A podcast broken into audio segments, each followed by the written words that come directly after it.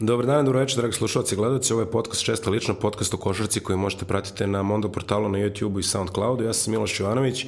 Ako vam slučajno da je moj glas ove nedelje nešto drugačije nego obično, niste se preverili. Izlazim iz neke interesantne prehlade, pa je to očigledno ucelo na moj glas, što će reći da će moji gosti danas pričati više od mene, što i nije toliko loše. Ove, ovaj, danas sa mnom u studiju ovaj, ne jedan nego dva gosta, znači komentator Irene Sport, prvi Ivan Ognjanović, a drugi Igor Tadić, čije ime možda ovde u Beogradu ne znači mnogo, ali probajte da kažete to u Skoplju i vidite dokle će vas dovesti. Do, momci, dobrodošli. Hvala, bolje te našli. Hvala na pozivu. A, tema današnje emisije će biti ovaj NBA draft koji će se desiti za par nedelja, a Lutrija je odabrana. Ove, ovaj, očigledno je Patrick Ewing nije doneo sreću ovaj, svojim New York Knicksima, nisu dovoljno dobro ohladili kuglice, neko bi čak i rekao ovaj put. Uh, ali pre nego što dođemo do NBA drafta i do te problematike da se zabavimo malo stvarima koje su za nama, ovaj, pošto nismo imali prilike da govorimo o aktualnostima u posljednjih par emisija, a, znači prva stvar, Final Four Eurolige, CSKA pomalo neočekivano, šta vi mislite o svemu tome? Ja da krenem. Krenite kako hoćete. Ha, pa, CSKA nekako svake godine tu je, koliko, 16 od poslednjih 17 su bili na Final Fouru, šta već, pritisak je uvek ogroman na njih tamo, možda na neki drugi način nego što je pritisak na naše klubove ovde kada pričamo o nekim regionalnim finalima šta god, ali e, svake godine su očekivanja ogromna, eto ispostavilo se da ovo ta godina e, Clyburn, Higgins, ne, neki malo drugačiji CSKA u odnosu na one koji su imali one padove na Final Fourovima, neke neverovatne preokrete ne znam, protiv Olimpijakosa i tako to, kada su bili izuzetno jaki. E, verovatno i na Higginsa, bar se meni čini, malo uticalo to što iz nekog razloga nije bio ni u prvoj ni u drugoj petorki Evrolige ove sezone, svi su pričali o tome, verujem da je i na njega malo to uticalo da se više motiviše za ovaj sam Final Four zaista igrao fantastično cele sezone, odigrao je sjajno i ovaj Final Four e, sad imali su možda na neki način, ne, ne mogu da kažem sreće, ali ispostavilo se da je Fenerbahče došao potpuno nespreman Kalinić Veseli, još i da tome nije bio tu Lovern takođe povređen, ajde on nije toliko bitan, ali mislim da je i to malo pomoglo, ali zaista ovo je bio njihov turnir.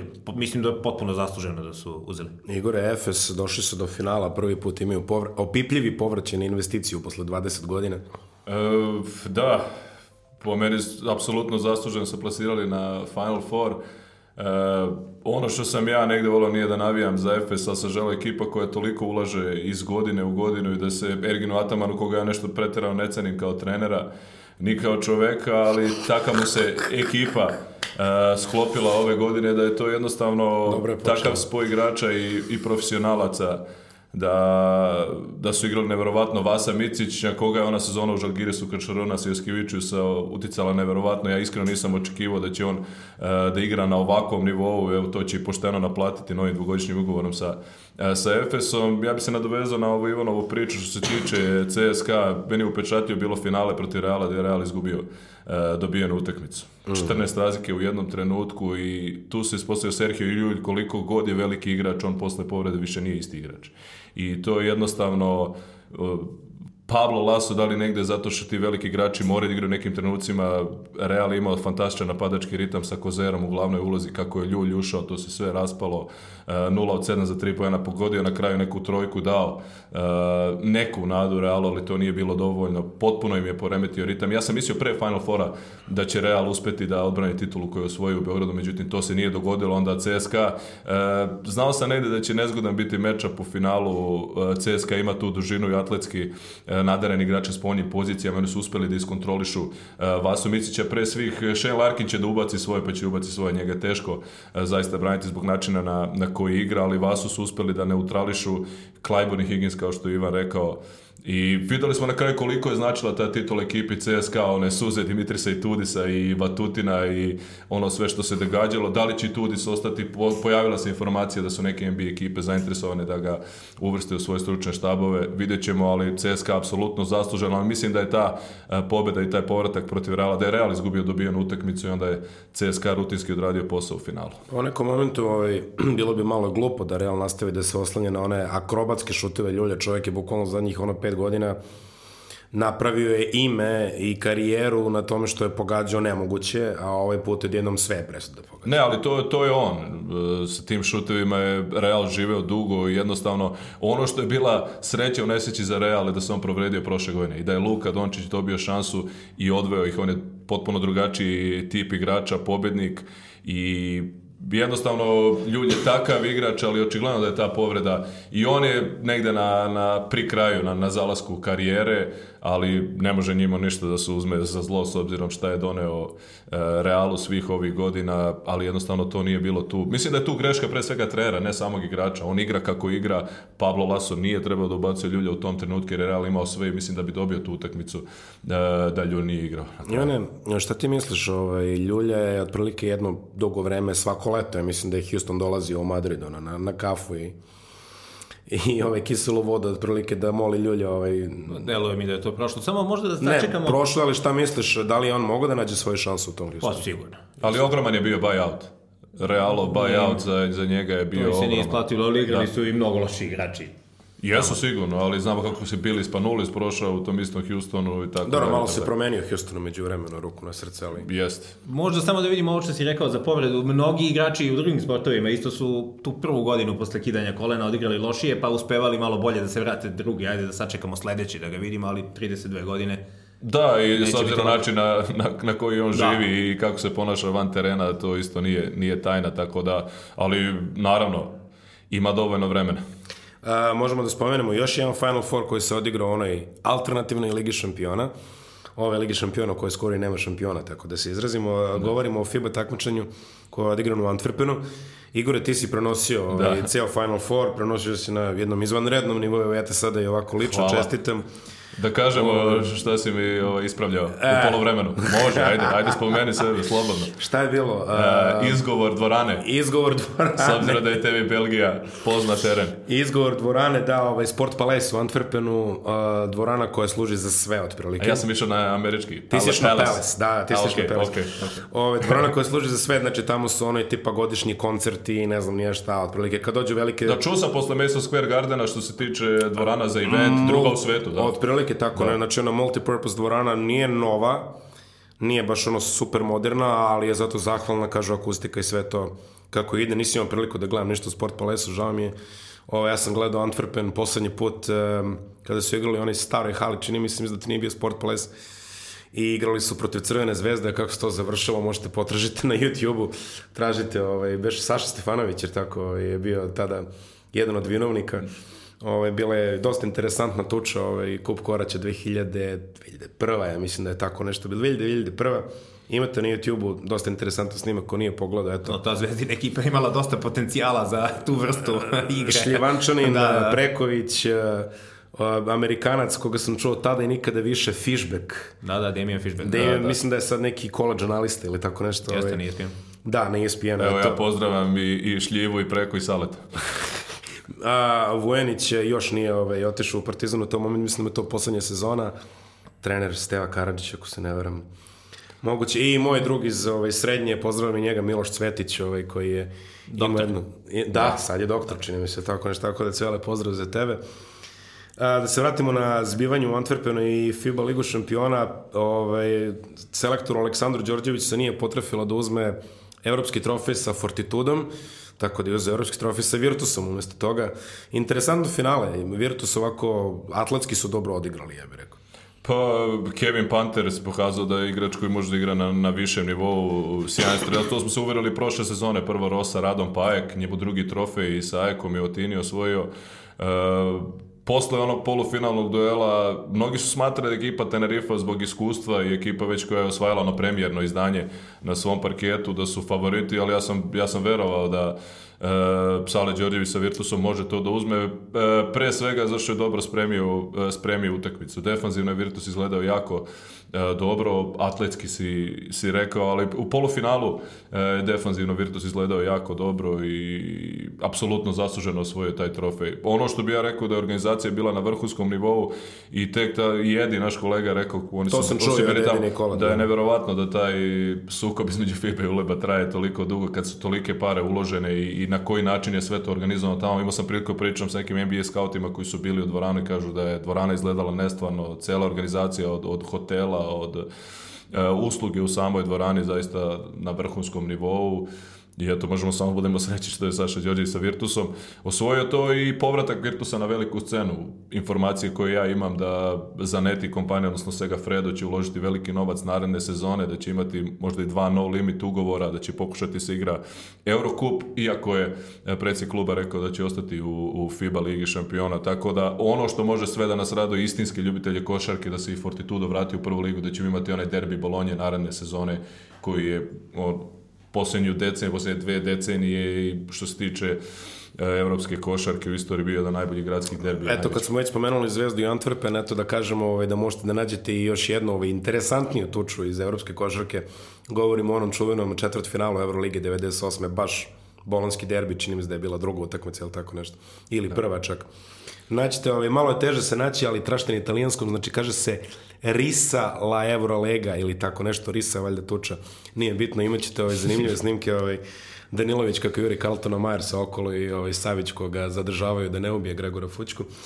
Ali to je nekad bilo tako, sad se igra dosta čistije rukovi. Nije se samo igra promenila u poslednjih 20 godina. Nije se samo igra da. promenila, da. Možemo sada da, da pređemo preko okeana, ovo prvo imamo NBA finala je konačno ovaj, postavljeno na svoje mesto. na istoku imamo Toronto Raptorse, koji su eliminisali ovaj, analitički projekat Majka Budenholzera koji se zove Milwaukee Bucks.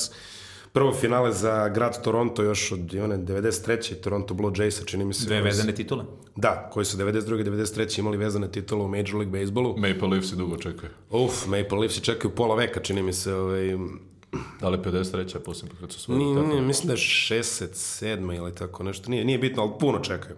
Dobro, oni su barem sakrenuli nešto malo bolje. Da. Ali, Ivane, utisci u Torontu. Pa, očigledno izuzetan posao Masai je u Džirija kada su doveli Kavaja Lenarda letos. E, mnogi su, pa ne mogu da kažem da su se podsmevali, ali ipak trebalo imati hrabrosti. Ja mislim rešiti se Demara DeRozana, ipak je bio neki oslonac ekipe i sve ostalo, mnogi su im e, smatrali da to možda nije baš idealan potez, da će on sigurno otići, da će ovo, da će ono, međutim, evo, doveo ih je do finala i stvarno igrao fantastično i tu, i pod povredom, šta već, četiri utakmice za redom i to kako odigrati ovu poslednju. Dobro, sad da se ne vraćamo na koš za pobedu u prethodnoj rundi. Da, da, da, onaj protiv Filadelfije sa klupe tamo iz mrtvog ugla, ali ovde 17 kokova, 7 asistencija u poslednjoj utakmici, zaista je pokazao da igrač koji evidentno može, jeste istok i slabiji i sve ostalo i cela ta priča, ali pokazao je da igrač koji može ekipu da dovede do, do finala, evidentno sada jasno je da su veliki outsideri ovde i čak i bez Durenta je Golden State ogromno favorit, ali stvarno svaka čast Kavaju Leonardu i plus, e, dobro, razvijanje Paskala Sijakama koji je očigledno bio izuzetan potez za draft pre nekoliko godina, kasno izabran i sve ostalo. I ovi sitni potezi tokom sezone, Marga Soli, tako to zaista sjajan posao ljudi tamo u Torontu i mislim da su zasluženo osvojili ovo isto. Ja mislim da su najbolja ekipa tamo. Sijakam, ja mislim, prvi kandidat za Most Improved Bo dobro, ima nekoliko, da. Ali, Dijaron Fox se to spominje, čini mi da. se isto, ali ovaj, mislim da. da će Sijakam ono to uzeti bez problema. Viš, interesantno je, izvinjam se, interesantna je medijska percepcija sada kada je Kawhi Leonard tradovan iz San Antonija, Uh, mahom su mediji pravili šale o tome kako Greg Popović uh, proteruje Kavaja tamo gde on nikad ne bi otišao sam. Uvijek se spominje ali rodna Kalifornija za ove ovaj, za ove, ako mislim ne odavde neka. Južna Kalifornija. Da, da. O, uvijek se spominje znači ovi Lakers i Clippers i ta priča, međutim ovaj ga kao proteruje ga u Toronto, ha ha ha, međutim evo godinu i po dana prođe. Uh, vid pa se pa, dobro, okrenuo što bi se Zato što mislim da Popović ima malo onu medijsku percepciju što kažeš kao Bill Beličik u NFL-u gde da, da, da. kada on traduje nekog igrača ovo je gotovo i tako to mislim ovo to apsolutno nije bio slučaj. Pogotovo su mislili ono kao dobro za neupućene taj njihov odnos je bio dosta čudan, Kavaj se ono nije javljao na telefon, valjda šest meseci, pa je... Dobro, i Kavaj je stam po sebi, je, da. da je, je, je, je, je, je, je, je, je, je, je, je, Bio je u ovaj, Njujorku sa, sa svojim timom, kad kažu njegov kamp, onda sve Tako jasno. da, ovaj, kad je on poslat, verovatno mimo svojih želja u Toronto, ovaj, e, svi su mislili, haha, Beliček, ovaj, Popović mu je smestio. Mm O, ovaj, jedan Hrvat, jedan Srbi, ovako ih ono mešamo, da. da. Ali, ove, ovaj, rekao je kao smestio mu pop, ovo ono. Međutim, evo sada, ni ono što sam par puta rekao srđanom, meni dao je kao da ne bi bilo nepreterano čudno da on ostane u Torontu uzevši obzir da je koliko je zdrava organizacija tamo. Svi igrači dođu u Toronto, baš hvale i grad i organizaciju i navijače i sve to što je. To je veliko tržište. Ljudi zaboravaju kada se priča o New Yorku, Los Angelesu, Toronto je ogromno tržište i ono što pričaju ljudi u Americi, on nema grad iza sebe, ima celu državu iza sebe. Gde su restorani rekli da, da, da može da jede džabe do kraja svog života i kako god. E, mislim da njegova odluka nije bazirana samo na tome šta će raditi u finalu i da se nisu plasirali u veliko finale. E, niko ne zna s obzirom da smo pričali koliko je čudno šta će onda uradi, ali ima smisla da ode u Los Angeles da igra sa Lebronom, ja to ne vidim da će se dogoditi, Clippersi koliko god su se digli, oni uvijek biti drugi tim u Los Angelesu, tako da on ima priliku, a ono što je najvažnije je da je na istoku mnogo lakše doći e, do finala. Ono što je Toronto i vratio se na tu seriju sa Milvokijem, e, u najavi tu Ivan i ja smo pričali da je Milwaukee tu favorit zbog jače klupe. Ono što je bila mm. snaga Milwaukee, ne samo Janis jer Janis i Kavaj će negde da, da odigraju na svom nivou e, sve utakmice praktično jeste Kavaj potpuno nadigrao Janisa, ali ono što je bilo bitno za Toronto je uloga Freda Van Vlita koji je pogađan šuteve posebno u Milwaukee. Čim je jedan od igrača iz Toronta sa klupe uspeo da, da pokrene ekipu Nika Nursa, evo, koji će biti i selektor Kanade kako stvari stoje ovaj, Toronto apsolutno zaslužen u finalu, ima prednost domaćeg preketa, šta može protiv Golden State-a, vidjet ćemo. Lepo što si spomenuo, ovaj Freda Van Lita, jedna simpatična anegdota, prečini mi se tri godine ovaj, ili dve, tri godine, e, pričam sa Aleksandrom Đikićem i ovaj, uh, on je valjda trenirao Toronto tada u letnjoj ligi i bila neka glasina da Van Lit može dođe u Evropu i Partizan se čak spominju. Da. I ja pitam, reko, šta misliš ovaj, o ovom dečku? Kaže, misli, normalan kakav partizan, kaže, računa na njega za sve pare, kao to je veliki projekat, ovo ono došao na naplatu čovjek je šta je pogodio, valjda 10 trojki iz 14 pokušaja posljednje dve utakmice, nešto je baš ono, ili više. Ja samo jednoj pogodio 7. To je bilo ključno, baš to, to, što ti kažeš, ovi što ih Šek i Barkley zovu Adams, ovi igrači koji obično na toj playoff sceni kod kuće odigraju svoje, ali nestanu u gostima, eto on se pojavio u Milwaukee, pogodio i onu malo srećnu jednu trojku i ovo i ono i to je prelomilo. Na jako je bitno i, i Golden State godinama unazad i ove titule koje osvajao jesu to i Kari i KD i Clay, i Draymond Green, ali uvek si imao nekog i Gudalu, Shona Livingstona u nekim trenucima moraš da imaš i Michael Jordan imao pored sebe taj supporting cast što kažu to je jako bitno za osvajanje titula, ne samo u, u NBA, u svim profesionalnim sportovima u Sjedinim američkim državama. Warriors i bez Duranta potvrđeno, barem za sada prvu utakmicu moguće da će se Bugi Kazans vratiti, on je pod znakom pitanja. On je pod znakom pitanja, u svakom slučaju pre ili kasnije, ma ako se serija produži, možemo i sve da ih vidimo, što bi se reklo. Po, pa, verovatno, zavisi od toga i šta će uraditi, jer ako dobio prvi meč, pretpostavljam da će preskočiti do Renci drugi. A, pa, da će ga sačuvati za treći ili tako nešto, ali nezgodan je list, evo vidimo i da tome Perperoglu, verovatno nije tog intenziteta povreda bilo kod Renta, ali odmah sam znao da se neće desiti ono što su oni pričali, da će da se vrati sledeće nedelje odmah za finale zapada. Da, jer ono je bilo očigledno da nije bio Grč. Da. Sad bi Warriors se potpisali za povratak onog 2-3-2 formata, čini mi se. I to... Da završi u pet, da. Da završi u pet. da, se da, da se ne vraćaju. Problem da. da. da. Da se ovaj, prešaltamo sada na ovaj, centralnu temu emisije što će biti NBA draft, znači lutrije izvršena. I prvo da, da kažemo kako ide ona barem prvih nekoliko pikova loterija. Znači prvi pik je ovaj, New Orleans, malo mimo svih očekivanja. A, drugi pik je Memphis, treći pik je New York, tek treći. A, četvrti su Los Angeles Lakersi, peti je Cleveland, šesti Phoenix, sedmi Chicago, osma Atlanta, 9 u Vaškom, 10 opet Atlanta i tako dalje. Ove, da ne idemo sada da previše. A mogo si bar do 14. ako pričaš o loteriju, slobodno. Ajde, šta ima? Miami, Charlotte, Miami, Boston, čini mi se tako neko ide, jel da? Minnesota, Charlotte, Minnesota, Miami, Boston. Da. Minnesota, Charlotte, Miami, Boston. E, Sacramento Kings i bez loterije pika, zahvaljujući ovaj onom tradu za neke stoska sa čini mi se i, i nekim ovaj... Sacramento pick je bio 14. što je u Bostonu. Da, neki ovaj Gresi ovaj gresi prethodnih i sadašnjih ovaj, uprava tamo. Dobro, Nije, to je opšte poznato imaće, svuda. čini mi se, tri pika druge runde, ako se ne veram, jel da? Da, imaju ovaj poslednji Milwaukee da. s obzirom da bi Loki bio najbolji tim. Nešto su, dobili, delu, nešto da? su svakako dobili. 60. O, ovaj, prvo, malo samo ili u tri. E, Ivane, ovo je, čini mi se, prva lutrija u kojoj su tri tima imala jednaki procenat šansa da dobiju prvi pik. Kako te se to čini sada? Da li je to, neki su već posle kraja lutrije rekli ovo je kraj tankinga? Šta ti misliš o tome? Da, izgleda da je sada najpametnije biti ono u sredini, mediokrasi što bi oni rekli, da nešto tu igraš i onda i senke uskočiš na prvog pika. Pa valjda je bilo, mislim sad da sam pomešao, da li 0,06 ili 0,08% šanse da se dogodi baš ovaj redosled koji se dogodio da na kraju New Orleans završi prvi E, verovatno je otprilike neki kraj i tom klasičnom tankingu, da, ali opet i da se setimo i taj tanking kada pominješ, e, od kada je ovaj, znači od kada više nije coin flip od 85. Da, da, da. Od, od Ewinga i tog, kažu nameštenog loterija, jel?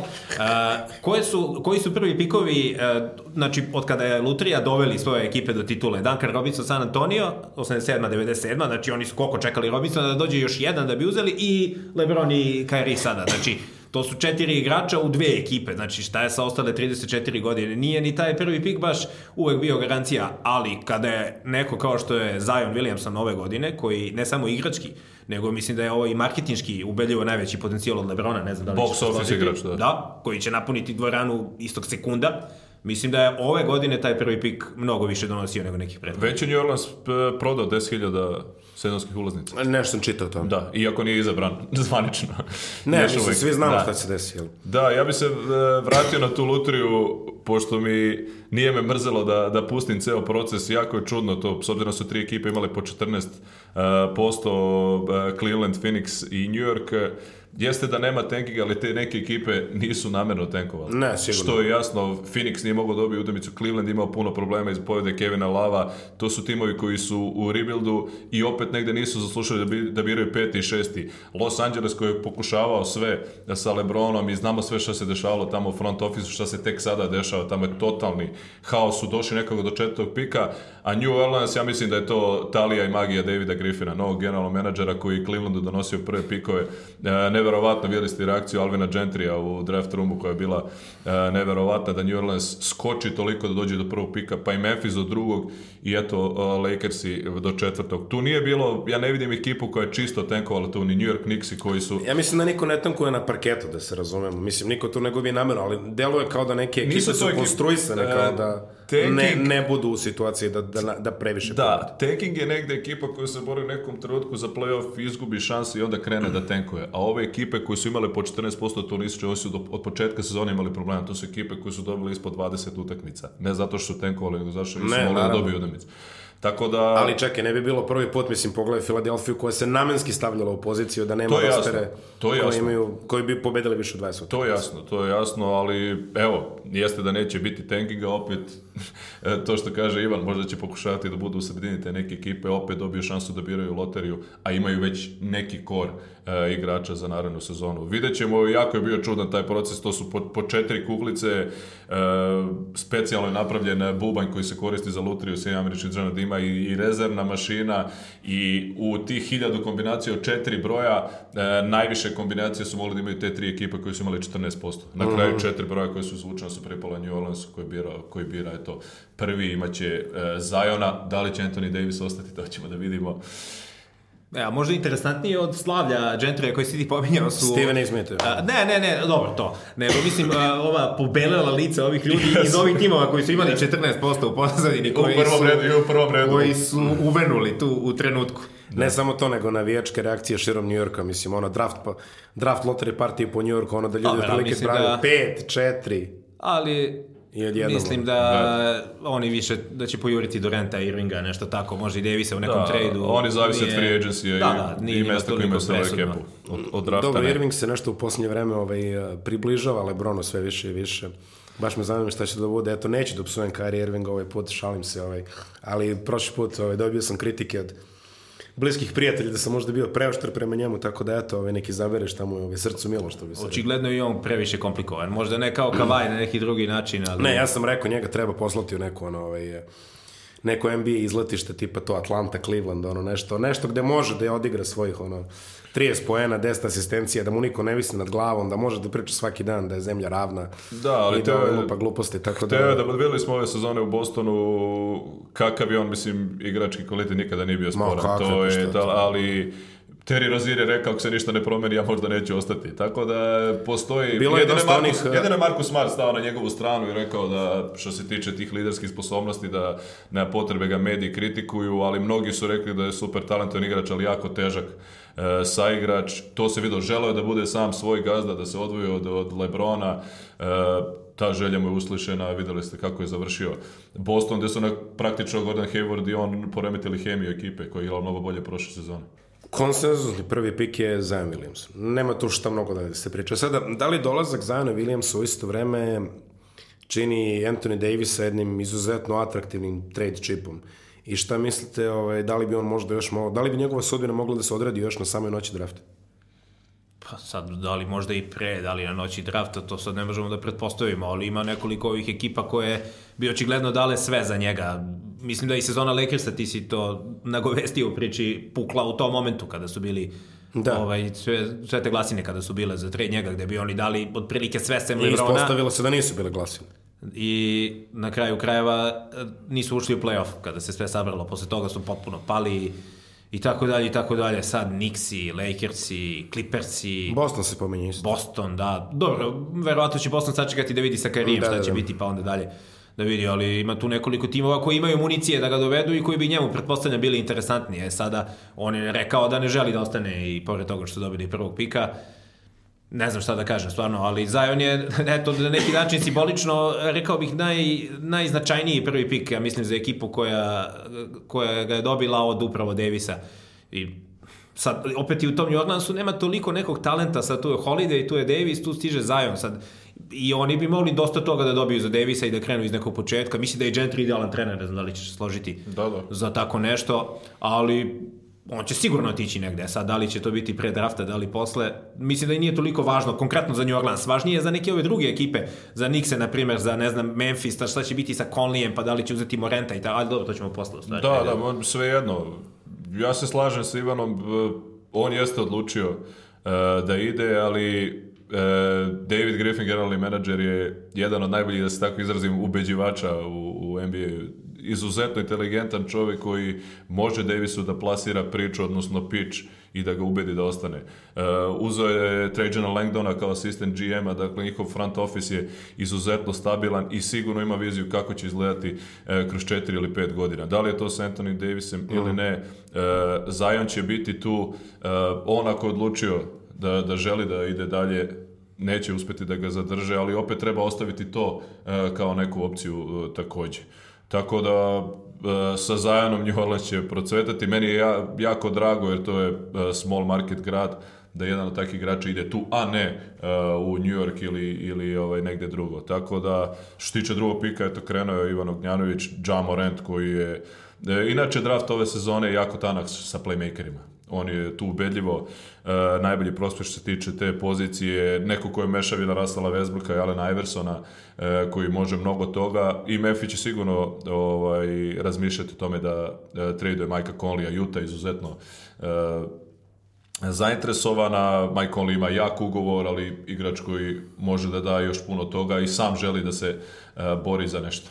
A, pre nego što se nastavimo samo o Džemo Rentu, Zion, koliko sam ja shvatio, ne pravi pitanje da igra u New Orleansu. Pa ja mislim da je negde bio razočaran, da je, da je razmišljao o Yorku dosta i da je pričao kako je igrati u Madison Square Garden, da mu je to želja. Pa igraće svakako sad. Kad negde, je, da, igraće kao gostujući. Ali dobro, mislim da tu, tu nema nikakve dilema, ona priča da će se vratiti na Duke, to apsolutno ne pije vodu. Ma nema kako. Da. A i ne delo mi da je on lik koji će praviti problem da igra Njornas. Ne, ne, ne, ne, ne. Mi... Njemu je samo bitno da je na terenu, da je tu lopta i, i to je to. Uh, Jam Morant e, gledali smo u prenosu tokom March Madness onu njegovu spektakularnu partiju. U prvom kolu je bio triple-double, Ivane.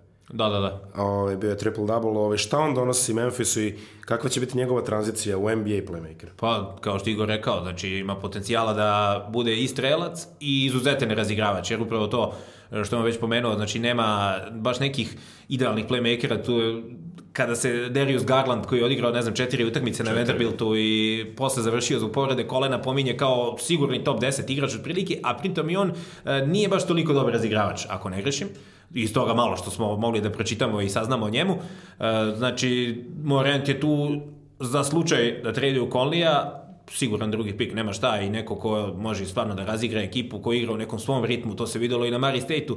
E, I on je neko ko je prošao put od onako neinteresantnog srednjoškolskog prospekta koji je na kraju krajeva i završio na Mari State-u, a ne na nekom jačem univerzitetu.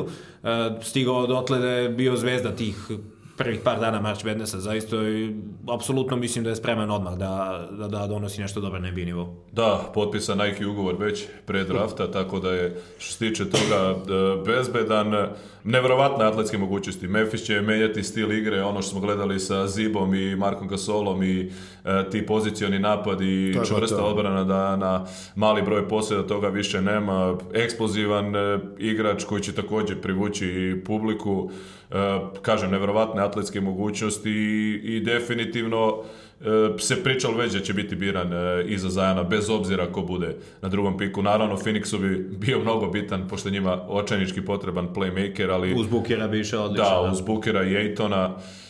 E, Ali ovde, da. izvini, mislim da je idealan da se upari sa Jaredom Jacksonom. Da, Jaren Jackson odigrao se sjajnu ruke sezonu, a da li mogu Conley onda igraju zajedno i to je interesantno pitanje, s obzirom da su različiti tip igrača, vidjet ćemo sada to je na, na front office-u Memphisa da odlučio se da sluša ponude za Majka Conleya, jer obzirom da su i oni u nekom u polu rebuild fazi, ajde posle trejda uh, e, Gasola, ako odi Conley, onda je to totalni rebuild i u Memphisu. Ja, dolazimo do pika Nixa, trećeg pika.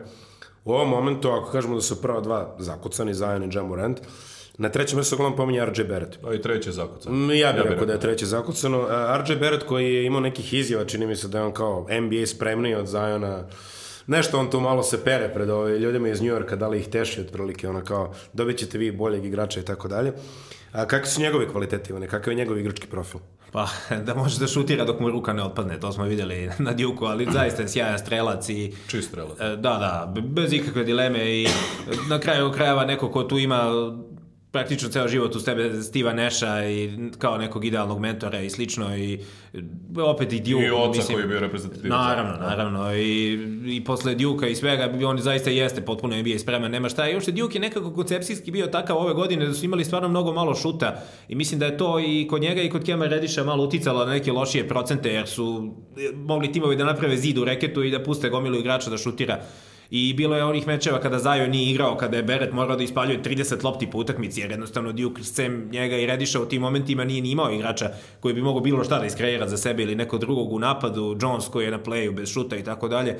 Tako da su mu zbog toga proceti možda bili malo niži, ali sa ta 22 poena po meču je pokazao da apsolutno je spreman, mislim da doprinosi mnogo odmah što se poena tiče i NBA nivou. Da, mene brine samo taj njegov šut za 3 poena, posebno e, sa NBA trojke. E, napadački on izuzetan, dosta poena je e, posle ono što bi mi rekli na silu, zahvaljujući svojoj e, snazi, posebno u gornjem delu tela, namešta se konstantno na levu ruku, dosta poena postizao iz reketa. Levo e, Da, ne kreira za druge, kreira samo za sebe lopta, obruč, to je to, ali čist strelac, New York to treba. New Yorku trebaju poeni u spojnoj liniji. Mislim da je on, da njegova tranzicija će biti bezbolna, da je spreman. Sve odmah. se glasnije pričao Kevinu Durantu u New Yorku.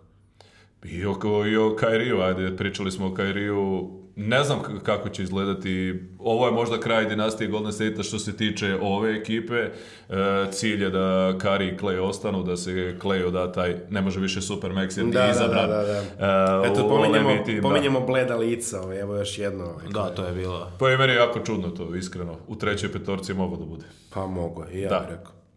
Ali vidjet ćemo kako će izgledati to što se tiče Golden State-a. Tri pit je velika stvar i obeležene su tri godine istorije u NBA-u, tako da ćemo vidjeti kako će ta ekipa izgledati. A ovaj, generalno, šta New York, hipotetički, može sledeći, ajde, neću kažem Durant, ali dovešće sigurno jednog jakog igrača, dovešće RJ Bereta sa drafta. Uh, šta ove ovaj, New York konkretno može na istoku da uradi sledeće zone? Šta mislite vi, kako je vaša projekcija?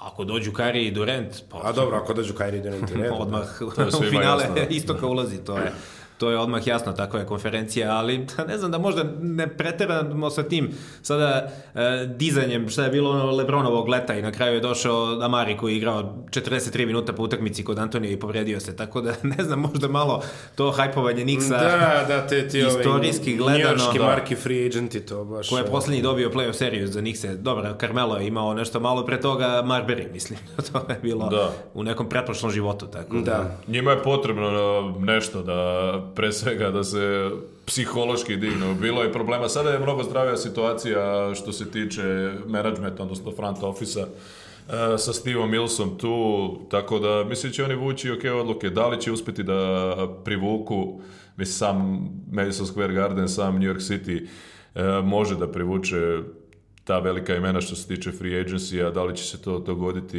ne znam. Ekipa koja je sada na okupu nije bog zna kako, imali su problema što se tiče prethodnih, ovih pikao, Porzingis je otišao. Uh, Frank Nilikina je draftovan visoko, ispostavilo se da nije to to. Čak Već su mu i zamenu doveli. Da, pokušali su i da ga e, šopuju. Dobili su sa, sa Mitchom Robinsonom jednog dobrog igrača, Alonzo Trier koji je kasno draftovan i odigrao jako dobro. E, Kevin Knox je igrač koji će se razviti sigurno u vrhunskog strelca, ali on je godinu da je bio najmlađi igrač u prošlogodišnjem draftu, jako mlad, izašao sa Kentakija posle prve godine. E, tako da New York s obzirom na istok Uh, eh, draftom RJ Bereta i dovođenjem, ajde kažemo, ne, nekog od velikih imena može se bori za playoff. Naravno sve se menja ako dođu KD i Kyrie zajedno ili jedan od njih dvojice. Um, četvrti pik pravi poklon za Los Angeles Lakers nakon dosta turbulentnih zbivanja. Tu se uglavnom spominje DeAndre Hunter, ali ostavit ću vas da vidite šta treba ovom, ova Lakersima treba svašta, mislim, realno. Ja mislim da je to pik za trade, ali ajde. Za pokušaj za Anthony Davisa. Mislim. A ako ne uspe Davis, ne bi me čudilo da pojure, ne znam, nekog Bradleya Bila ili tako nešto. Pa da, da. Sigurno imaju rezervnih opcija spremno, da. Ne verujem da, e, posle ova tri igrača koje su očigledna prva tri, ne verujem da tu neko ko bi Lakersima nešto, ne znam, prelomio, ne znam koliko sad ove već sezone, tako da mislim da je to u tradu prilično izvesno. Mislim da DeAndre Hunter nije profil igrača koji bi se dobro uklopio u ovu ekipu Los Angelesa. E, priča se o Dariusu Garlandu, jer njima je potreban e, playmaker s obzirom da... Odustaju od Lonza Ball. pa ne da, da odustaju, nego okružili su Lebrona sa igračima koji ne mogu da pogode ništa i to je bio veliki problem. Znači njima nisu trebali playmaker jer Lebron sam po sebi e, playmaker, e, pa- trebali su da ga okruže dobrim šuterima i to je to, a sada je to je već što se tiče bivšeg Magica Johnsona, Roba Pelinke i Ginny Bass i ostalo tamo šta god da se e, dešava. Darius Garland je neko ko ima i kažu obećanje, s tim što ja ne volim tu reč, a ima dosta toga na draftu. E, bio je povređen, povreda meniskusa nije toliko strašan, nisu ukršteni ligamenti, četiri utakmice odigrao i dalje se procenjuje njegov talent na osnovu partija u, u srednjoj školi. Nema sumnje da je to igrač koji je drugačiji profil od Jamorenta. Renta e, igrač koji može da kreira za druge. E sada, u nedostatku playmakera, on je na toj poziciji drugi prospekt iza, iza Morenta. Sledeća tri pika, tri dosta ovaj, problematične organizacije u momentu Cleveland, Phoenix i Chicago. Šta bi po vama dvojci ove njima najviše pasovalo i kakve oni, šta oni mogu da vide? Jer meni se čini da kada prođemo treći pik, da je drop off u kvalitetu dosta ovaj, e, Jeste velika je, velika je dilema, ne samo do kraja loterije, već i do kraja prve runde. Tu je e, sad Dosta se priča o Kemu Redišu, jer tu bi negde trebalo on do desetog pika. Od, još, od jedan petog, igrač Djuka, tako. još jedan igrač Djuka koji ima neverovatan potencijal, ali E, dosta se priča o njegovim radnim navikama, o njegovoj želji da bude bolji, o napretku sa 207 cm sa takvim šutem igrač koji može da igra s polja koji može. E, on je ono veliki rizik, velika nagrada koga bude draftovao. Nestvaran potencijal ima, ali je bio uplašen u nekim utakmicama, nestajao je, opet nije mu bilo lako igrati posle Zajana i RJ-a u Duke-u, da je bio na nekom drugom programu da ima više lopti, vjerojatno imao mnogo bolje brojke i bio bolje kotiran. E, tako da, e tu dolaze sada i Idi Andre Hunter i Jared Calver, sve zavisi e, kom timu šta treba. Calver sa Texas Teka e, ja bi ga možda birao čak i pre RG Bereta na osnovu potencijala i te pozicije. E sada, naravno sada je tu na, na timovima, workouti mogu mnogo toga da promene, e, bio je kombajn u Chicagu gde su mnogi igrači popravili svoj učinak, su neki igrači posle prvog dana napustili jer su imali obećanje kao Kobe White sa North Carolina, e, sada e, menadžerske agencije organizuju workoute po različitim gradovima kako bi promovisali svoje klijente. Tako da što se tiče samih workouta tu može mnogo toga da se promijeni. Ne naravno kada pričamo o prva tri pika, ali da, da, da. E, dalje može dosta toga da se promijeni. Sami intervjui sa igračima. Čuli smo već dosta u ovoj emisiji da. šta pitaju sve ljudi tamo. Dobro. Tako da, eto, može Ivan da kaže šta razmišlja, Phoenixu očigledno potreban playmaker, Da li oni mogu nešto da traduju, to je sada veliko pitanje, s obzirom da imaju mnogo mladih igrača. Ali neki klasičniji, ne verujem da bi oni Kobe White gledali. Ne, da. Ne verujem da on može uz Bukera da se uklopi, bar meni ne deluje, ne znam, sada što se Rediša tiče, tu još uz ovo što si ti rekao bih dodao i ono njegovo misteriozno neigranje na jednoj utakmici na March Madnessu gde da. na kraju ne znam da li smo ikad i saznali šta je bilo u pitanju, tako da e, timovi uzimaju, verujem i to u obzir kada taj njegov stav e, se gleda koji ti pominješ, jer to nije baš nešto idealno kada ti na Duke-u koji zna se da puca na titulu svake godine odjednom ne igraš neku utakmicu na March Madnessu. Jeste mu bilo verovatno nezgodno da bude taj treći igrač u ekipi, ali isto tako se slažem sa tobom da ima ogroman, ogroman potencijal i da na kraju krajeva gde ćeš idealnijeg NBA igrača za današnju košarku od njega kad pogledaš njegovo telo, njegov šut, njegove fizičke mogućnosti. Calver, opet on je pomogao dosta Texas Techu da, mislim, mnogo nadmaši svoje realne mogućnosti tim stizanjem do finala i on možda nije skroz NBA spreman za ovaj prvi trenutak, možda kao uh, e, ove trojka sa Djuka, ali isto jako blizu. E sada, da li je on to što treba Phoenixu, opet verovatno ne. Lakersima, verovatno ne. Clevelandu, verovatno da. Da.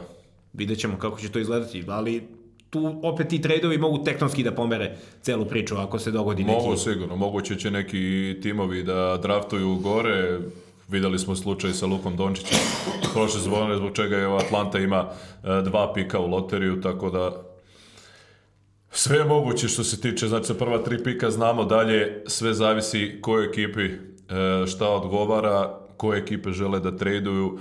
Pored pika, pik je jako bitan u loteriju s kojim može da se traduje, jeste to što zavisi ko ima E, šta od raspo, na raspolaganju od igrača koje bi mogao da trade, odnosno da napravi taj package da bi napao nekog, neko veliko ime u free agency.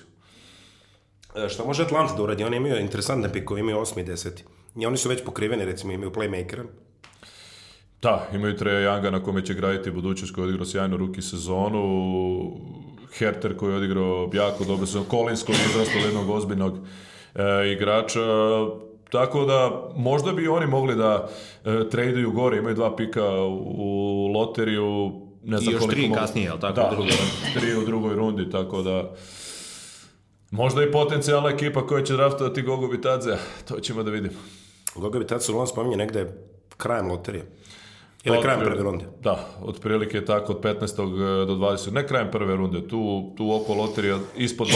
pika ne bi trebao da, da padne. Jedan od igrača trebalo bi da imamo, po mojim informacijama, tri e, pika iz Europe u, u prvoj rundi. Prvi će biti Seku Dumbuja, definitivno igrač koji nastupao za Limož ove sezone, koji posebno na kraju sezone odigrao jako dobro, koji ima kvalitete da se e, razvije izuzetnog defenzivca e, na svojoj poziciji pre svoga. Sličan je profil igrača kao Nazir Little sa, sa North Carolina. On bi trebao da ide unutar 10 pikova. Sada koja od, od ekipa, ne verujem ni da on može odmah Da, da pomogne timu, ali sigurno ima veliki potencijal kada još doradi neke stvari napadački da bude, da bude jako dobar igrač na tom nivou. Goga Bitadze što se tiče centara je tu napadački najtalentovaniji, ima igrača koji su atletski e, mnogo bolje njega na toj poziciji, Jackson Hayesa, Texasa, e, Gafford sa Arkansasa, čak i Bruno Fernando sa, sa Marylanda, ali što se tiče na igra na niskom postu, to potencijala šuta za tri poena i nekih napadačkih karakteristika, Gruzijac je tu najtalentovaniji centar. I ne bi se iznenadio da, ga, da bude biran u loteriju. A, ti spominjao Draft Combine i koji je bio, gde si Chicago? Chicago, da. A jedan od igrača koji se spominjao prvih dana kombajna koji je podigao svoj status tamo je Luka Šamanić, na primjer. On je dosta, ove, ovaj, kažu da je igrač eh, Hrvat koji trenutno igra za Olimpiju, čini mi se. Tako je. E, on je dosta podigao svoj stok, što bi se reklo, i još jedan igrač koji se spominju, to je kombinacija Adamo Koka, takođe, koji će ići u drugoj rundi, verovatno. Uh, Adamo Koka nije bio na kombajnu, ali Luka Šamanić je definitivno, ja sam čak i gledao neke klipove, odigrao izvaredno, to, to je igrač koji igra na, na, na poziciji 4 sa tom visinom i atletskim mogućnostima koje su uh, dovoljno dobre za, za NBA nivo. Mislim da je on uh, svoje ime uh, Uh, ugurao u prvu rundu, da se tako izrazim, zbog dobrog kombajna. Nije igrao finalnu seriju za Olimpiju protiv Primorske, nije se dakle vraćao u Sjedinjih američkih država. Uh, Adamo Koka, po meni, to je kasno druga, možda i ne bude draftova, možda bude povukao svoje ime, on ima još jednu godinu eligibility-a, tako da što se tiče Adama Mokoke i tih igrača Mega, on bi mogao da bude biran kasno u drugoj rundi. Sve zavisi koji su timovi spremni da, uh, da ga draftuju i stešuju, što kažu. On se vraća naredne sezone u Gravelin sa kojim ima ugovor, Da li će igrati tamo naredne sezone, vidjet ćemo, a Luka Šamirić bi trebao da bude biran u prvoj rundi.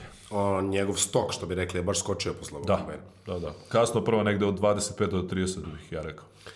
Um, da li bi on odmah došao u NBA ili bi bio stešovan isto, šta misliš? Uh, ko draftuje tu sigurno bi došao. Da li bi igrao G League kao što Džana Musa ove godine igrao uh -huh. uh, za Brooklynovu filijalu, ali ti pikovi koji su birani u prvoj rundi, tu, tu nema steša. To niko ne draftuje da bi stešao. čekaj, zar nije Milutinom nešto vi dobro, šalim se, naravno. Da. To je bio specifičan slučaj, šalim se. Mislim da ove godine to neće biti slučaj, baš slučaj um, Da li se spomenje još neko od uh, evropskih igrača ili daj da kažemo svetskih igrača, to recimo ti mogu da kažem Števaneo Hačimori, koji je isto tu negde se vrti oko 10. pika recimo. Ali pre nego što krenemo o njemu, um, da li postoji još neki evropski igrač po vama koji bi mogao da se pojavi prvo rundu smo pokrili, ali negde u drugoj rundi bilo, gde u ovom momentu. Ajde, Ivan, ispriča prvo Hačimori, pa, pa, pa ću ja o ovaj, Evropljanima. Da, kasno. dvojica igrača sa Gonzagi su tu vrlo, dobro, ima nekoliko još, ali tu, za taj deo su Clark, koji mnogi ga sastavljaju kao idealnog nekog saigrača za Carl Anthony Townsa, s obzirom da je Clark neko ko tu može sa strane pomoći da bude dobar bloker, da bude komplement Townsu u odbrani koju ovaj nešto Otajala. ne igra previše, da. Sad, da li će ga Minnesota koja ima 11. pika zaista pokupiti ili nešto drugo njima tu interesantno, verovatno zavisi od ovog prethodnog dela drafta i Hachimura isto sa Gonzage, e, ovako odlične fizičke predispozicije, e, šut za tri poena koji čini mi se još popravlja nekako Hačimura kako odbiče sezona i on je definitivno na svojim fizikalijama raspon ruku odličan na merenju e, je e, neko ko je isto spreman odmah čini mi se da pomogne u NBA-u. Mislim da tu nema nikakve dileme, za njega se tu isto projektuje Lutrija sada, da li će to biti neki Charlotte, Miami. Da, u Miamiju dosta brinu o tome koliko je igrač fizički spreman, to je ekipa koja izuzetno dobro sprema, na kraju krava Petra, ali sve je jasno. E, igrače koje pokupi, tako da e, verujem da će i tu uticati nešto kada budu razmišljali o njemu, ali definitivno igrač koji je isto potpuno spreman, mislim da odmah e, zaigra u NBA. Hačemura gledat ćemo na svetskom prvenstvu, najverovatnije, zar ne? Trebalo bi, to da. nisam nešto ovih dana ispratio da li nešto da, novo da, bilo, ali... Ne, nije se ništa menjalo. Reprezentativac Japana, Tako je. Rajko Toroman je takođe pričao o njemu kao izuzetnom talentu i on je generalno spomenuo Japan kao zemlju koja napreduje, ali eto, bit će to interesantno gledati Nika Fazikasa i Ryo Hačimuru kao ovaj Biće da. zanimljivih igrača u timu, da kažemo manjim ekipama na svetskom pa, Australija, s obzirom na reprezentaciju. Da, to nije manje ekipa. ne, ne, ne, ne pričamo manjim. Pričamo o sastavu reprezentacije. Ne, svako je Koliko imaju? Devet NBA igrača, šta? I Kanada će sigurno doći. I to kojih. Kanada ima potencijal da, da, da, da napravi dve, tri reprezentacije. Da. Dobro, kod njih je pitanje duša, oni su ono, vide se jednom godišnje, tako da pitanje... E, problem je tu dosta i u Savezu, ali da ne ulazimo u to koliko se... Evropski igrač. Od europskih igrača sada tu je dosta diskutabilno u drugoj rundi i imamo rekord ove sezone, 58 igrača iz Evrope se prijavilo za draft. Ono što ja mislim da to mora da se promeni jer ne može baš bilo ko da se prijavljuje za draft. to ja kad sam igrao u moje vreme, to nije moglo. Znači ako ispunjavaš što se tiče godina uslove, prijaviš se pa šta bude. Moram te, moram te prekinem. Prijava za draft je bukvalno prijava. Tako je. Ono, napišeš ja hoću i daš. Tako je, zajedno sa agentom prijaviš i imaš pravo, eto nismo pričali o tom deadline-u, do srede je, imaju pravo da se odluče koleđ igrači da li ostaju na draftu ili se vraćaju. Ono što je promenjeno što se tiče koleđa Ivan, je tako da možeš i da angažuješ agenta, da, opet da, da, da, budeš, da, da, da se vratiš i da e, po NCAA pravilima imaš pravo da se e, vratiš na koleđ. Za Evropljane je to 10 dana pre drafta, dakle 10. jun, pošto je 20. juna e, draft u Barclays centru u Brooklynu ja bi uveo jedan finansijski aspekt da trebaš da platiš, da se prijaviš i da ti se pare ne vraćaju ako se povučeš. I to je to. Od 58 igrača iz Evrope tu 60-70% nema šta da traži na drastu. Jasno, jasno, jasno. Ako i toliko. E, tako da, interesantan je raspored ekipa koje biraju na početku druge runde. Evo gledam ovaj e, papir da Filadelfija tu ima dva pika, 33-34.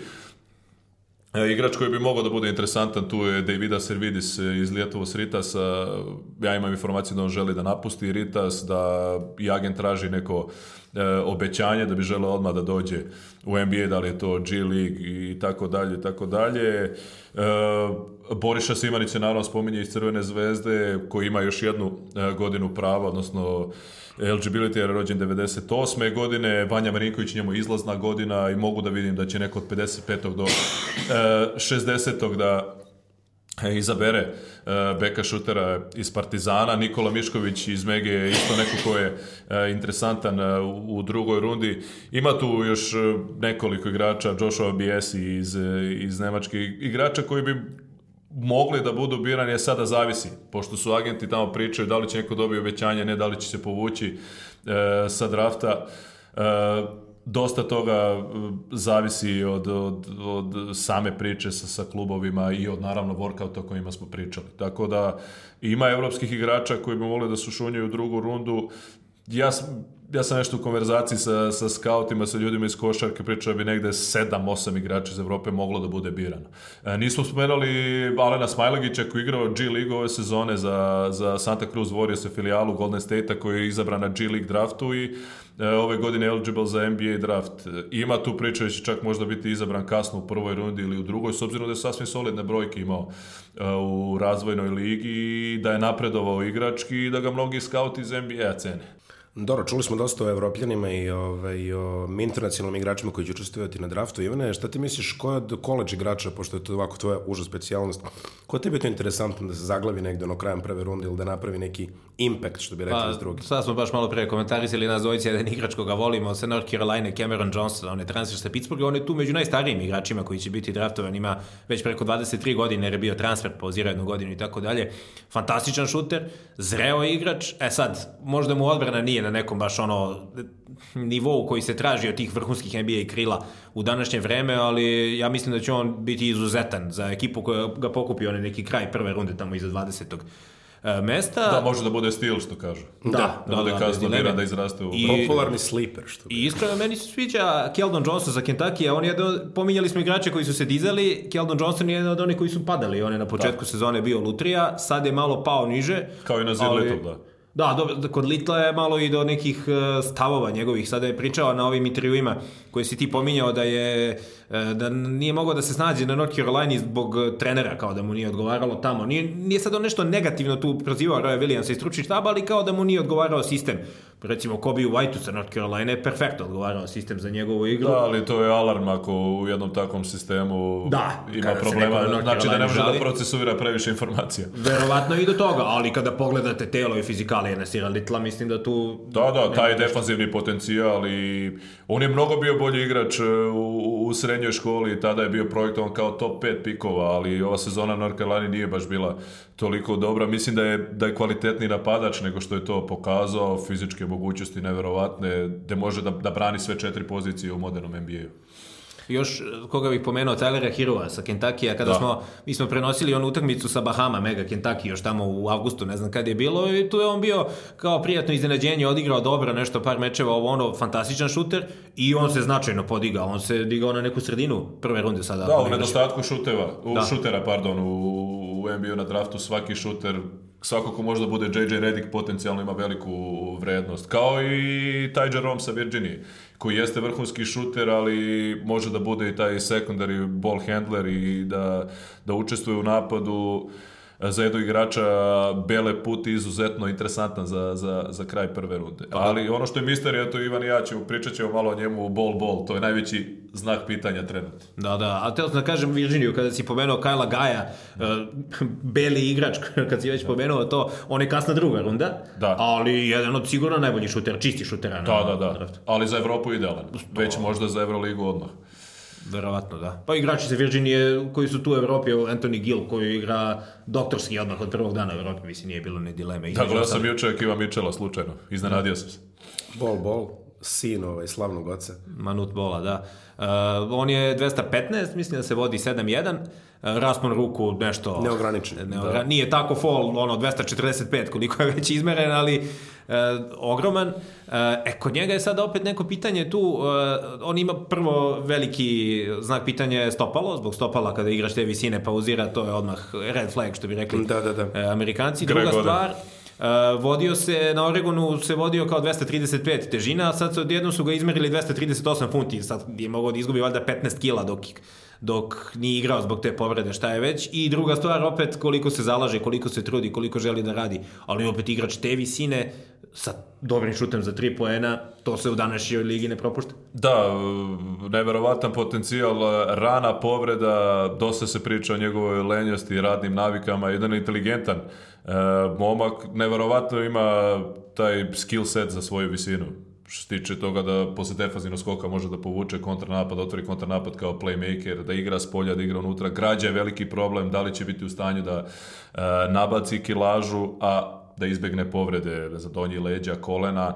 E, ekipa koja ga bude birala će morati da čeka verovatno kao što je čekala Philadelphia sa Joel Embiidom godinu, dve, ne kažem da će biti igrač e, na tom nivou kao Joel Embiid, može da završi kao ton maker, ima sličnu građu kao on i sličan profil igrača ali on će biti unutar 10 pikova. Neko će ga draftovati na osnovu potencijala, to, je, to je sigurno. Tako, Fall, koga si upravo ti spomenuo, Ivane, koji je u nedavnom intervju rekao kako se mnogo zahvaljuje Bobanu Marjanoviću jer je otvorio perspektive za igrača te visine i tih dimenzije.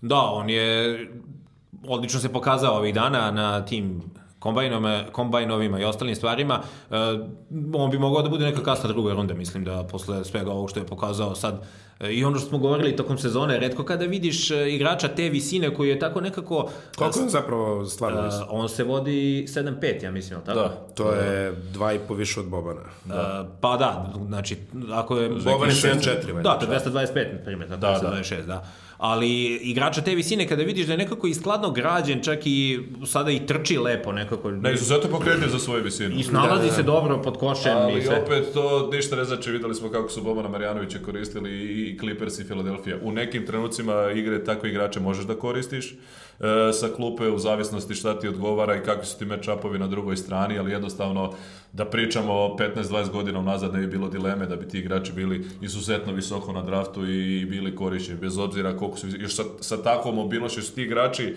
e, primorani da bi opstali u modernoj košarci, da budu pokretljivi kao što je taj tako Fall koji je na kombajnu te workoute odradio perfektno. E, igrač koji je dosta napredo, odnosno da digao svoj sto kao što pričaš, je Mefondo Kabengele e, sa FSU-a koji je igrao, imao dobru koleč sezonu, on je nečak Dikembe Mutomboa.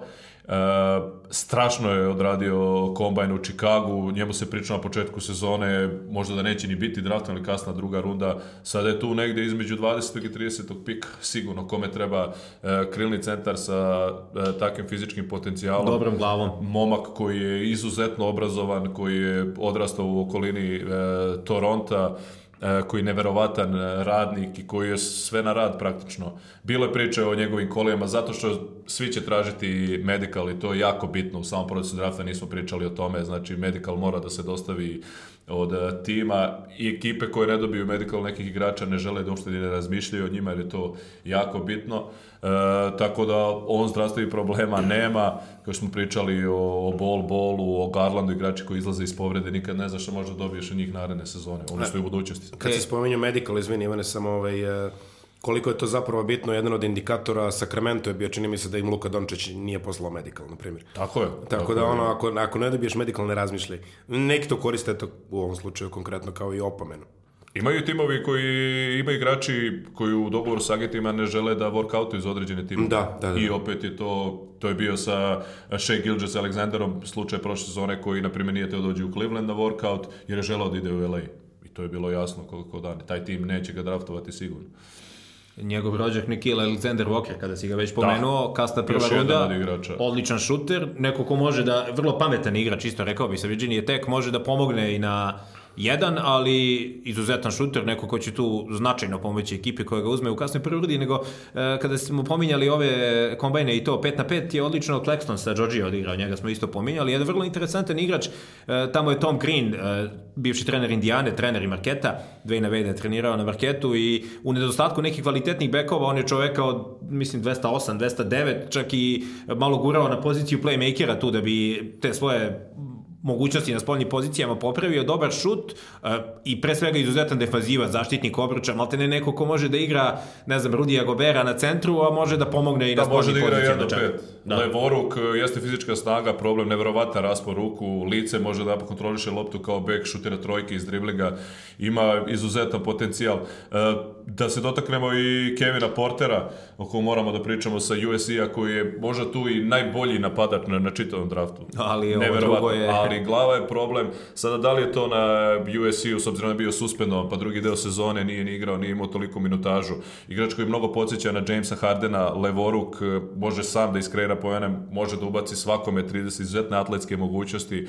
E, čovjek koji su mnogi, koga su mnogi timovi sada već intervjuisali da vide u stvari o čemu se to radi.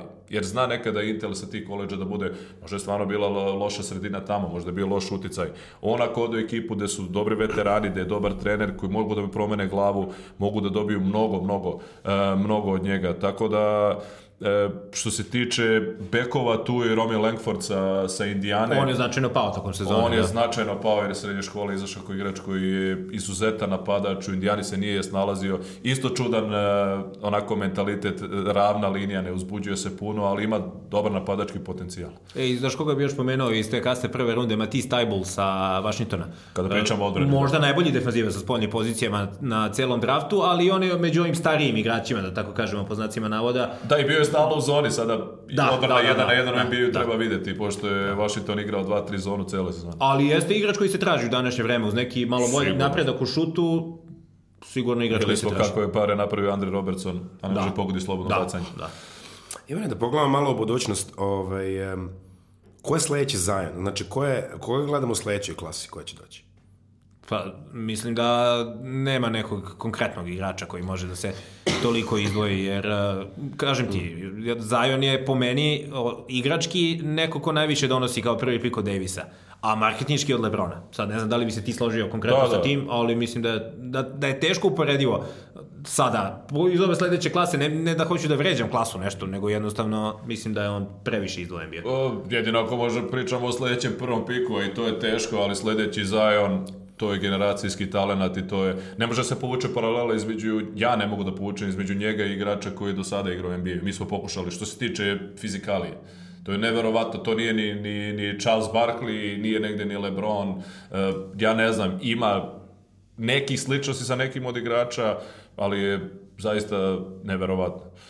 Ono što on može da uradi e, sa, sa tom kilažom, takva fizika, eto, možemo samo se nadamo za dobrih košak da, da bude ovaj- zdrav. Da, da, da će da kolena da ga posluže, da. Da, Imao je ono relativno sreće da sede, može se reći. Jeste, ima bolje patike sada, tako, da neće imati problema. Da, čekamo da potpiše on ugovor, eto, rekao da, da. si Morenti potpisao za Nike, vidjet ćemo da li će i on... Neke Nike sa, sa, sa metalnim pojačanjima. Da, da, da, da, Poslednji put kad je Ivan gostao u ovom studiju, čini mi se da iste noći ovaj, e, Zajom proklizo i one da, pocepo, one patike. Da, da, to je meč da- koji smo prenosili, da, da. Posle da danas reći mu da ne trenira, bar jedno mesec dana. E, ne, ne, ne. da ne bude problema. Red bi bio, red bi bio. da privodimo konverzaciju u kraju, znači pokrili smo cijelo ovogodišnje draft i sve što je bilo uz njega. Uh, ono što me zanima, Ivan je to bacio meni interesantnu ideju, kada gledamo posljednjih 25 godina nazad, koji draftovi vam se čine kao oni među jačima, a koji su bili kao oni među slabijim? To je Ivan bolje, da, bolje ga služi Među jačima, ali ova je malo starija, ne ova sa najsvežija. Među jačima, po pa dobro, ovaj Lebronov, mislim, nema šta. Lebron Carmelo, to, to je meni Šta ćeš dalje od toga, ne moraš ni da, da ove da. ostalo. A bilo je još tu pristojnih igrača, onako, a najslabiji... Darka da spomenemo to. Dobro, da, da, da, pa, pa dobro, sad što su ga druge stvari očigledno više da, interesovale. Ja bih evo samo da kažem, ja bih Darka Miličića draftu isto tu, ako ne kao prvog pika. Sve bi, sve bi. Nema, nema nikakve dileme, tako da sva dalja priča neka I u e, današnje pada, vreme, pada u mislim da bi ga u današnje vreme potpuno u nekom drugačijem smeru razvijali, jer ne bi sigurno njega terali da igra dole, da ga ugoje, da ovo, da ono, e, on bi bio drugačije. za ovaj, on bi da, bio sa, tim, da. Sa, sa tim talentom, igrač koji mogu igra s polja, sa, sa tom fizikom, Nije imao sreće s obzirom na tim koji ga je birao u tom trenutku. Trenera koji u tom, je I trenera i tim koji je u tom da. trenutku, da. A uh, najlošiji, ne znam, 2001. kada se pogleda, ono, zabolite glava tamo. Baš ovaj, kad mi je Kosta Perović bio, ovaj, glava sam njegovu izlaznu draft godinu, ona baš bio neki tragičan draft, čini mi se, ono, to je Barnjani valjda i ovaj... E. Da. Ja bih zove koje godina kada je Lovo Candy bio, to je pre lockouta. To je 98. To 98 ne? interesantan prvi pik isto. Bilo je, bilo je tih interesantnih, Kwame Brown. Da, eh, ali opet su to ti što pričamo Bennett. trendovi, ti si 97. su svi jurili Dankana, molili se San Antonio, bukvalno tenkovao tu celu sezonu. Eto, kada pričamo o tenkigu, David Robinson, neka povreda leđa, odigra šest utakmica, završio yes, si sezonu. Završio sezonu, da. I dobiju njega i onda, naravno, slavlje ovo ono, pa sjane ruki sezona i onda su, verovatno, Clippers mislili da će ovo Candy da bude to kada da. su ga uzeli 98. onda on nije mogao u Evropi da se sastavi. Kada da, išao Kinder kada je bio lokal. Da. da. Meni je dosta interesantan indikator drafta koliko igrača druge runde je napravilo neku karijeru. Jeste, ali sačekat ćemo dosta, dosta dugo do sljedećeg Džinobilija na 57. piku izabrati tako o, igrača. Do Jokića. E, Jokića isto, da ne pričam, Draymond Green takođe koji je bio druga runda. E, može da se dogodi jer ima dosta koleđ igrača. Za Evropu što se tiče druge runde je dosta toga se ne zna i neizvesno je. Da, S da, obzirom da, da, da. draften stash igrači, uh, da, ta steš opcija je jako bitna kada draftujete igrače gde će igrati naredne sezone, da će dobiti priliku. Desi se da draftite igrača, on u Evropi ne dobije šansu naredne sezone i ne, ne razvija se u tom pravcu. Imate sada timove kada bi pogledali uh, prava na koje igrače imaju koji su u Evropi nisu ni na mapi, a i dalje drže prava na njih. Tako da... Na, Tredio ih za Karmela. Ja se iskreno nadam, eto se dotakne pričao se o Nikolu Milutinovu, ja se, ovo je ta godina kada San Antonio treba njega da uzme. To je bez ikakve dileme, bez obzira što je CSKA kontaktirao, da, da, nudio da, da, velik da. Znači, ovo je sezona kada Milutinov treba da ide u NBA. Ne, ne, ne postoji bolji tajming, čovjek koji se dokazao, koji u tom sistemu San Antonija E, će biti perfektno da igrao i Tiago Splitter, igrači koji su loši od njega na toj poziciji. Mislim da je ovo idealna sezona, mislim da će e, San Antonio povući Milutinova, a samim tim, s obzirom da biraju na 29. piku, da neće gledati visoke igrače tu, ako povuku Milutinova. E, sad, kada si pomenuo San Antonio, setio sam se još jednog zanimljivog igrača, ovako nedefinisane pozicije, Horton Tucker sa Iowa State. I on je odradio odličan ako kombajn. Bi, da, I ako bi San Antonio eventualno hteo, oni imaju 19. i 29. Ako bi hteli tu da malo renoviraju bekovsku liniju, a delo je mi da im to treba. On je vrlo interesantan ovako, ne znam ni tačno, on je kao neki playmaker na Jovi State, opet ima fizikalu, ima ogroman raspon ruku, razigravač može da pogodi, e, vrlo inteligentan igrač, vrlo, vrlo zanimljiv igrač za taj deo oko 20. Samo brzo dvojac e, sa Tennessee koji je imao dobro pa sezonu, da, da. Schofield, Grant Williams, isto obojca moguće e, kasno prva runda, E, dva interesantna igrača neverovatnih fizičkih sposobnosti, posebno Schofield koji igra više s polja u odnosu na Grenta Williamsa, obojica mogu da... A 215 da pogodi... raspored Schofield ima, da. Tako da, ajde vidjet će ima dosta toga, mogli bi tri sata da da, pričamo. A, a Schofield je jedan od tih veterana, po znacima navode, ili koleđ košarke. Koleđ veterani sa 20 Pametnih igrača, da, koji bi, pa na kraju krajeva Draymond Green je bio to. Ko je mogao da pomisli? Imao, napredne statistike su govorile da će on biti dobar u NBA, ali opet što ti kažeš, ko sad može na osnovu toga da... Pritom što ti ja ne volimo napredne statistike. Tako je, ali koliko ima igrača kojima su govorile, pa nije bilo ništa od njih, tako da, ali eto, ko je pomislio. I kad smo gledali Draymonda Greena na kraju krajeva na Michigan State, uvek smo govorili kakav bi bio za Europu, bio bi dobar, ali pogodili smo međutim. Ta kratka reč koju oni koriste, fit, je jako bitna. Ko draftuje igrača, kako ga razvije, kako će snaći, to, to, to, je, to je najbitnije više nego 10 draftovani koliko ko te draftuje i da li ćeš dobiti šansu na koji način će se razvijati, naravno uz, pa, uz zdravlje koje je najbitnije. I to je ista priča kao kada neki, da kažeš, sa koleđa igrači dolaze u Evropu, ista priča. Može Tako ti dođe neki, ne znam, u neku Litvaniju da ode, Tako kao što su pričali tamo, napljuvali, do, gde smo došli, šta je ovo, trener ne zna da. engleski, da. nije me ni doveo, šta je već bilo, da, da, da. poznate priče, e, a u stvari taj igrač bi u nekoj pravoj sredini mogao da ubacuje 20 po meču se ne oznaje. Da, tu pričamo o scoutingu evropskih ekipa, kada već da, će da, mnogi da, biti da. na letnjoj ligi i čekati katove i birati igrače, tu je jako bitno da se odradi dobar scouting, da se pogodi pravi stranac. A, e, Igore, načeo se samo pričao o stešovima, samo da, eto, i da završimo da. time, osim Milutinova, ko ti se čini kao još interesantan bivši steš igrač koji je mogao da do NBA ove, ovog leta? E, steš igrač. Ne znam koga bi ne bi izdvojio trenutno nikoga. Milutinov mi je očigledan izbor. Pa evo i Mitić je nešto spominjao, ali on je produžio. E, Mitić misli da je pitanje, sve zavisi naravno i od buyouta kada se, pošto imaju NBA out i da, da, da, ugovoru da. svakih evropskih igrača. E, mislim da je, da je da je pitanje trenutka kada će Vasa dobiti priliku u NBA-u, s obzirom na ono što je radio. Možemo da pričamo, na primjer, o igračima iz Eurolige koji dolaze kao free agenti koji nisu draftovani, jasne, jasne. opet sve zavisi. Videli smo mnogo puta da igrači odbiju velike pare, kao što je to Mike James uradio pre nekoliko godina za Phoenix, odbio velike pare u Evropi da bi došli u NBA, njima je jako bitno tu, kao što je uradio Shane Larkin. Ono što sam ja čuo, što mogu da kažem, definitivno, ne znam koja je ekipa, da će centar Baskone Vincent Poirier definitivno biti u NBA u naredne sezone i to biti jako solidan uh, ugovor. Koja ekipa, ne znam tačno, ali, ali sam siguran da će on biti u NBA. Draft je za nekoliko nedelja, vidit ćemo se onda i posle toga, barem s tobom Ivane, ti nisi siguran, to si, to si već Doći ću ja, nije problem, ako me budeš teo da me gosti.